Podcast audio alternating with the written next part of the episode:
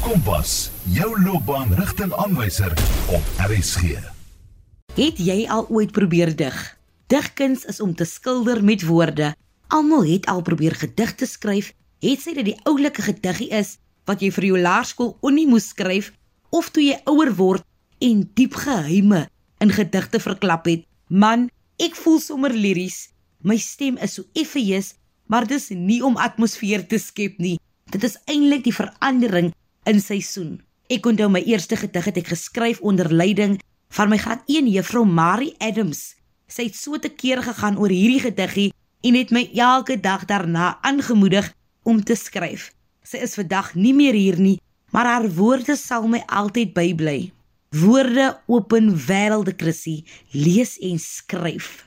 Skryf is toe wel een van my talente, maar ek kon nooit my hart en siel uitstort deur middel van digkuns soos vanaand se gaste Quentin Stuurman en Sunay Damons nie. Wat ek wel kan doen is om vir ure te sit en luister na mense wie dig. Daar is net iets omtrent hierdie kunsvorm wat vir my allerlei emosies laat ervaar. Jy is natuurlik ingeskakel by jou Vrydag aan Kompas kuier saam met my Christlyn. En ek hou nie van alleen praat nie, so laat hoor van jou op 45889 teen R1.50 per SMS of tweet ons by ZARSG. Plaas gerus ook iets in die sosiale media. Gebruik net die hitsmerk Kompas RSG. Baie dankie vir diegene wie reeds elke Vrydag aand in die sosiale media iets plaas. Quentin Stuurman is 'n 35-jarige digter al die pad van die Karoo, spesifiek Beaufort Wes, en kom vertel ons van waar sy liefde vir die kunste. Quentin, kom jy van 'n agtergrond van skrywers? Ek het die idee dat ehm um, daar in die in die lyn af van my voorvaders se was daar sekerlik 'n skrywer gewees. Maar hier by ouma en oupa, la my ma my pa, hulle definitief nie skrywers nie, maar wel lesers. Man nee, ek twyfel regte waar, um, daar's een gedig wat ek noem dat ek is 'n eerste generasie skrywer. So ek dalk ek mag dalk die ene wees wat die volgende skrywer gaan voorbring in die Stuurman familie, maar wat my agtergrond betref, of die agtergrond van ons familie by dit my ma en my pa se geslagte is dat definitief nie skrywers nie. Ek hoor jou. Watter leesstof het jy geniet as kind? Watter soort boeke het jou geboei? Christine gaan reg vir jou nou lieg as ek vir seker enigstens dit geniet om te lees. Lees is van die dinge wat vir my regtig vir dames soos ons vandag sal sien wou vir dat dit my plak laat val. Ek is glad 'n aanhanger van lees gewees op skool. He. Ons was in die taalklas op hoërskool 10 minute gegee by die Afrikaanse en Engelse klasse om dit te bestee net aan lees.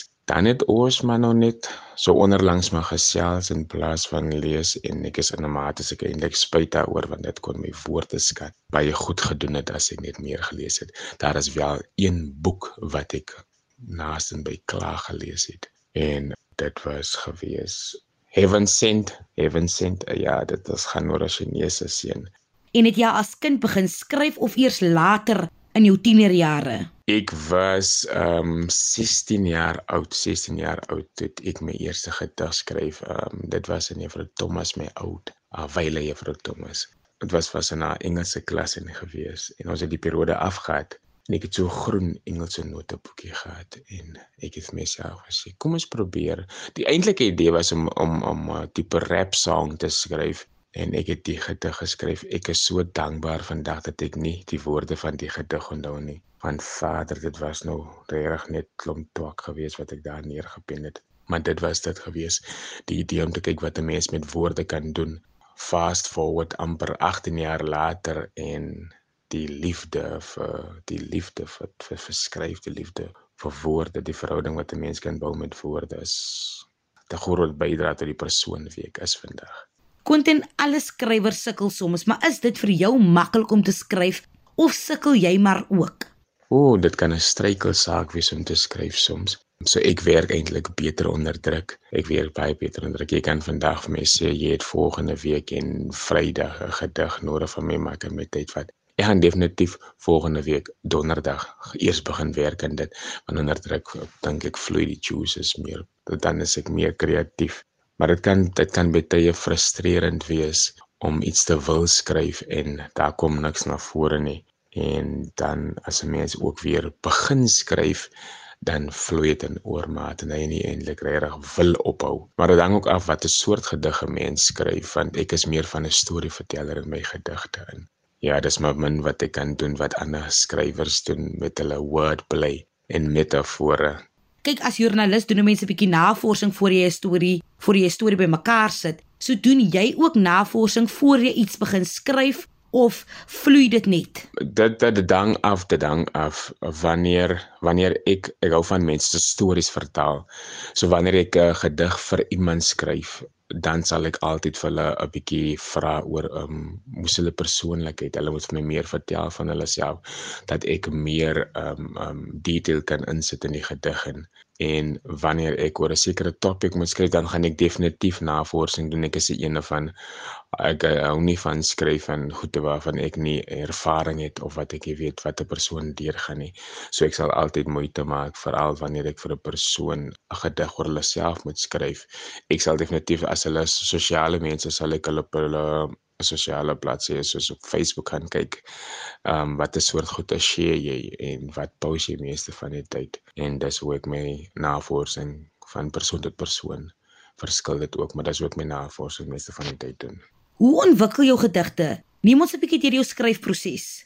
Ek het glad nie 'n uh, 'n sekere proses nie. Al wat ek weet is dat ek kan nie vandag 'n stukkie in 'n gedig skryf en môre dit voltooi of binne die volgende 2-3 dae nie. As ek nou begin skryf, wil ek dit baie graag nou klaar. Meeste van my gedigte is gebore uit gesprekke uit saam met mense, dan sal hulle 'n um, random woord noem en daai woord het my aan as hy woord my aandag gevang het, gaan ek onmiddellik uit die gesprek uittreë en ek gaan nou gaan skryf aan die gedig want ek voel dit is iets wat nou onmiddellik moet klaarkom net want ek bang is die inspirasie daarvan gaan nou enige tyd net verdwyn so ek ek hou daarvan om 'n ding as ek nou begin het moet ons sommer nou onmiddellik klaar maak met dit oop so daar's 'n sekere skryfproses wat ek deurgaan en soms is dit iets wat ek sien um soms het 'n gedagte wat by my oppop maar meeste van die tyd is dit 'n woord wat net genoem was in 'n gesprek en Quentin, wat geniet jy die meeste van skryf? Wat omtrent woorde doen dit vir jou? Daar's niks wat ek meer geniet van skryf as dat vir elke gedig wat ek skryf, laat ek altyd iets van myself daarin. Ek los altyd 'n gedeelte van myself in dit in. En wat ek geniet van skryf is wat woorde ook 'n mens toelaat om te kan doen, om te kan sien, om te kan ervaar.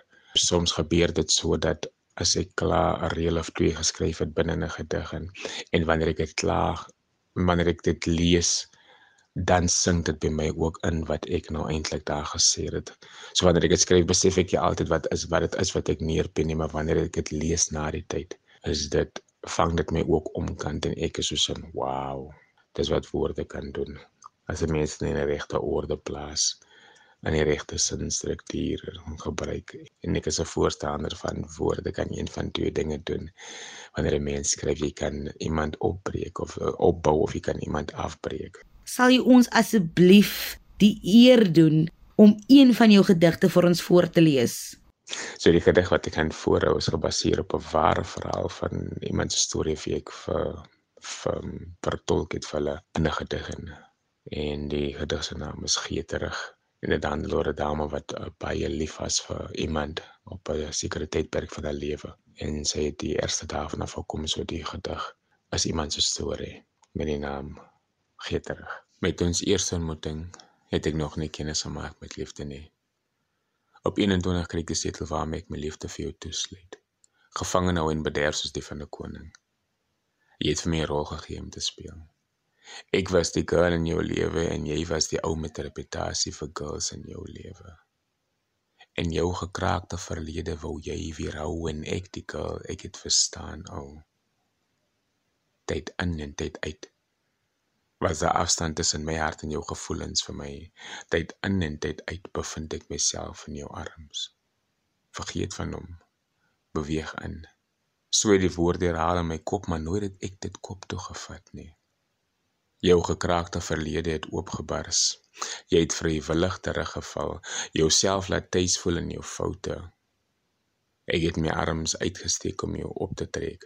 Jy het my afgetrek ingetrek binne enkele oomblikke my siel gebind, my trots verblind. Ek was 'n minder mens. Ek is 'n minder mens. Sien, ek het vir jou gap gevul en jy het vir my 'n leemte gelaat. My hartklop was nog steeds oop vir jou, maar nou was ek mos net oop vir jou en stilte namens jou begin praat. En ek het met ander ouens begin praat.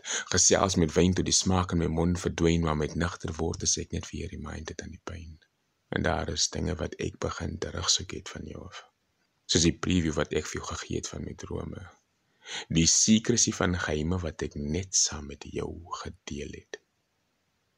En poor dit als gee terug my waardes wat nou dis soos 'n medalje tussen jou bene hang. As jy regtig ooit lief was vir my, gee dit terug of hou dit.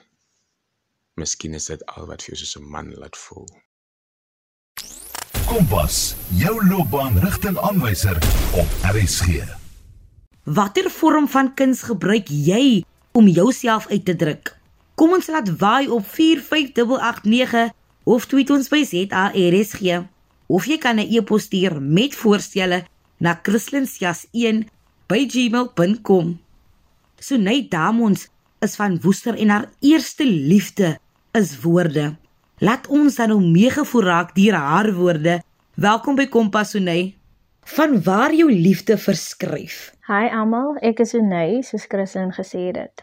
Waarvan af het my liefde gekom, joh? As ek baie eerlik met jou moet wees, Christelin, op skool het ek nie gehou van skryf nie of ek kan nie onthou dat ek op laerskool spesifiek 'n liefde gehad het vir skryf. Ek het 'n liefde gehad vir boeke. Ek weet ek was 'n boekwurm. Ek het baie gelees. Ek was 'n biblioteekkind gewees. En my gunsteling reeks daai tyd was die Barbie reeks en die die ehm um, die speelboeke wat ek kan reflekteer en so dan lees. Maar ek kan nie onthou dat ek gehou het van skryf nie. In fact, ek kan onthou toe ek graad 7 was, toe word ons nog geïntroduce aan digkuns en hy goede. En wat ek kan onthou, ek het baie enwees gevoel as die kinders die antwoorde reg gehad het by die gedigte, want ek het net nie benul gehad hoe hulle dit kry nie. Want digkuns vir my was daai tyd 'n klomp goed wat die sin maak. So ek het nie 'n liefde gehad vir skryf daai tyd nie. En wat bied digkuns vir jou? Weet jy, ek dink digkuns is so kompleks dat dit vir elke persoon iets different aanbied. Maar vir my is dit meestal dis 'n uitlaatklep nommer 1. Nommer 2 dat gee vir my 'n platform om my storie te vertel, om hoop te versprei. En nommer 3 dit laat my toe om van myself te vertolk maar in 'n mysterious way. Ek dink wanneer dit kom by digkuns en daar's soveel reëls in digkuns wat jy kan gebruik, daar's soveel betekenisse in hoe jy goed kan skryf um soos assimilasie, assonansie en daai klas van goede.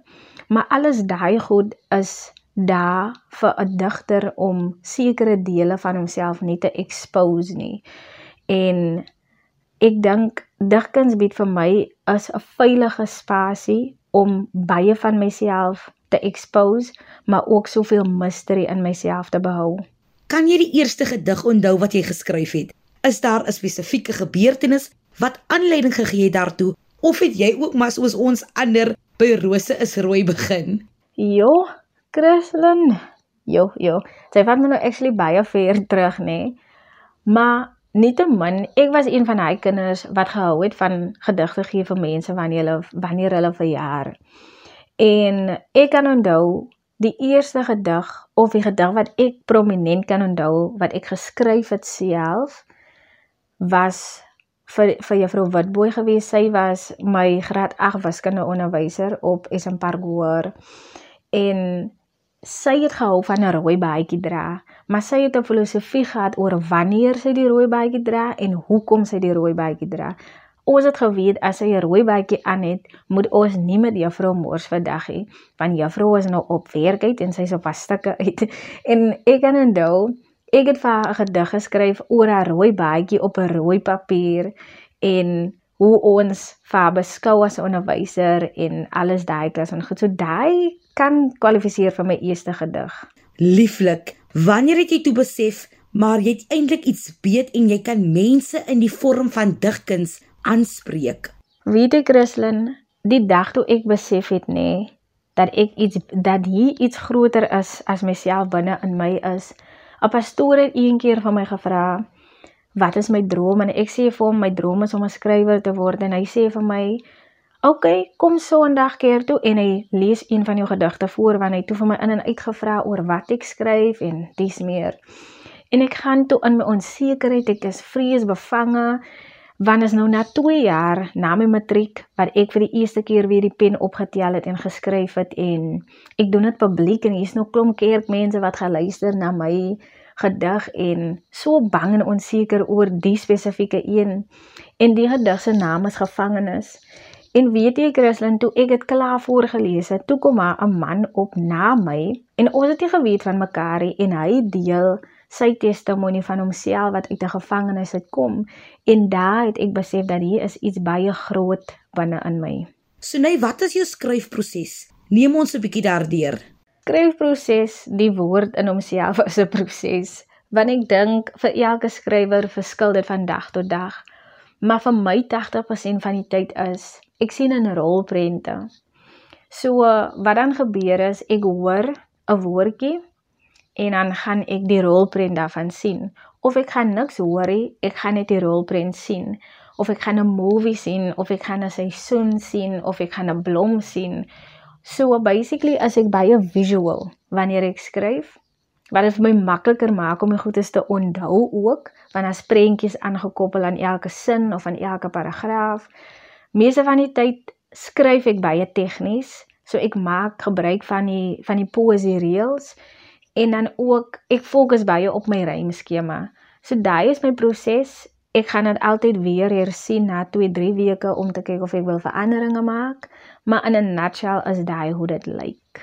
En is daar sekere tye waar jy skrywersblok het of vloei die woorde soos die ink uit jou pen? Wat 'n vraag, wat 'n vraag. Kunstenaars vra dit altyd vir my en mense vra ook dit altyd vir my of ek skrywers lok kry en my antwoord is altyd dieselfde. Ek sê nee.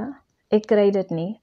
En ek gaan dit altyd so verduidelik. Wanneer kyk hulle vir my met 'n vrounsinnige gesig en wanneer hulle verstaan nie hoekom ek sê nee nie.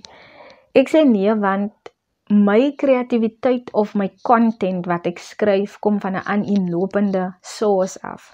En as ek sê ek het skrywers lok, beteken dit my source het opgedroog en hy kan nie gebeur nie want hy is aaneenlopend. God is aaneenlopend so omdat ek my content, omdat ek my my rolprente van hom afry, is daar nie 'n ding vir my so skrywers lok nie.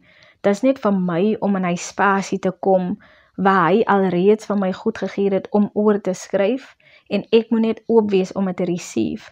So uh, ek kry nie skrywers lokkie. Watter boodskap wil jy oordra met jou kuns? Sjoe, In my gedigte, Christlyn, is ek baie authentic, ek is baie transparant, ek is baie vulnerable, plain gesê ek is mens. En nou is daai reg goed. Maar ek is mens omdat dis al maniere hoe ek kan relate tot 'n ander mens. En deur my gedigte wil ek mense aanmoedig om vulnerable te wees, om authentic te wees, you know, om mens te wees. En ook net om vir hulle te wys dat die die as op die ashoop is maar net eintlik hoop. En dat daar groter en beter dinge is hier buite. En natuurlik ek wil hulle bekendstel aan die persoon wie die content vir my gee wie my gift vir my gee because meeste van dit meeste van my content gaan oor hom want hy is hoop so ja jy is betrokke by die ATKV Crescendo vertel ons 'n bietjie meer daaroor ATKV Crescendo. Ek is heidaglik een van die top 12 finaliste by die mentorprogram. Ek het deurgedring by die eerste ronde wat die eerste mentorprogram week was in Maart. Weet jy, Christen, daai week was so intens, 'n goeie intens waar olywe regtig waar gesqueeze was om die beste olie uit uit te druk en diamante wat hulle gesoek het, wat hulle ontdek het binne in jou en jy weet daai was een van die weke waar ek gedink het my sos is op you know, my soos raak droog. En um ek het daai week besef dat daar is soveel meer, soveel meer wat ek nog moet leer. So heidaglik is ek 'n finalis, soos ek gesê het, was deel van platform sessies onlangs. So ja, daai is my betrokkeheid by Attica Vie Crescendo. So nou waarna kan ons uitsien? Wat hou die toekoms vir jou in? Ooh, exciting times ahead, hey. Wat is volgende vir my? Julle volgende vir my is 'n single. Ja, julle het reg gehoor, 'n enkelsnit wat ek die 25ste September 2022, daai is nou om die draai wat ek gaan vrystel met die naam Perel. Dit is een van my favorite songs, um met 'n baie nice boodskap, 'n kragtige boodskap wat ek wil deel, veral met vroue spesifiek. So uh, ja, ek is baie excited. Dieselfde dag release ek iets ook, maar dit moet nog 'n geheim bly. En dan later in die jaar dan stel ek my EP vry. So uh, Perel is een van die enkels net of een van die songs wat op die EP is. So uh, ja, dit is wat volgende is vir Sinay, ten minste in die jaar. So ek fokus gou net op die jaar en dan gaan ons praat oor die ander jare. Maar kyk uit vir die single, wees excited saam met my dan moet ek tog vra, sal jy asseblief vir ons 'n voorlesing doen van een van jou gedigte? Ek gaan my favourite doen. Dit is my favourite favourite. Hierdie song se naam is 18. En dit is 'n spoken word song. So ek gaan die spoken word gedeelte doen vir julle. Dit is asof my hart 'n separate verhouding met jou het. Dit is afgebaken, bedek met lakens in die graf wat styf toegemaak is. En die reuk van dood hang dig in die lug en die stuk stof laat my verstik aan stof en ek keer terug van stof tot stof. Hier is dood wat binne my wil ontplof. Sê my, hoe sing ek? Hoe sing ek in die donker met lof? Ek sing 'n song, maar die song sing vir my dis 'n lig wat my uit die donker wil lei en ek ek sing 'n sang maar die sang sing vir my dis 'n lig wat my uit die donker wil lei nie eers die leiwagte sal kan keer as die melodies my bevry van die klank na bootsing van sy asem dit is te toegewy. Dit was beeldskoon. Baie baie dankie Sunay. Baie baie baie dankie Christen dat jy vir my genooi het om te kom praat oor my digkuns en oor my musiek. Baie dankie dat jy jou deur oopgemaak het en dat ek net iemand kon inspireer het. Baie dankie aan al die luisteraars wat geluister het en ja, lig en liefde. Na vanaand se program wil ek net sê wees jy net jouself. Daar is nie 'n beter weergawe van jou daar buite nie. Soos Sunay ook gesê het, 'n mens is 'n mens deur 'n ander mens. Ek voel sommer so poeties na vanaand en ek hoop julle ook. Fluit fluit. Christlyn se storie is amper uit. Indien jy enige van ons programme gemis het of net weer daarna wil luister, kan jy dit altyd aflaai op www.rsg.co.za. Gaan net na die potgooi skakel en klik onder K vir Kompas. Kompas word aan jou gebring deur SABC opvoedkunde van my Christlyn en die span hier by Kompas. 'n Lieflike, lekker en veilige naweek verder.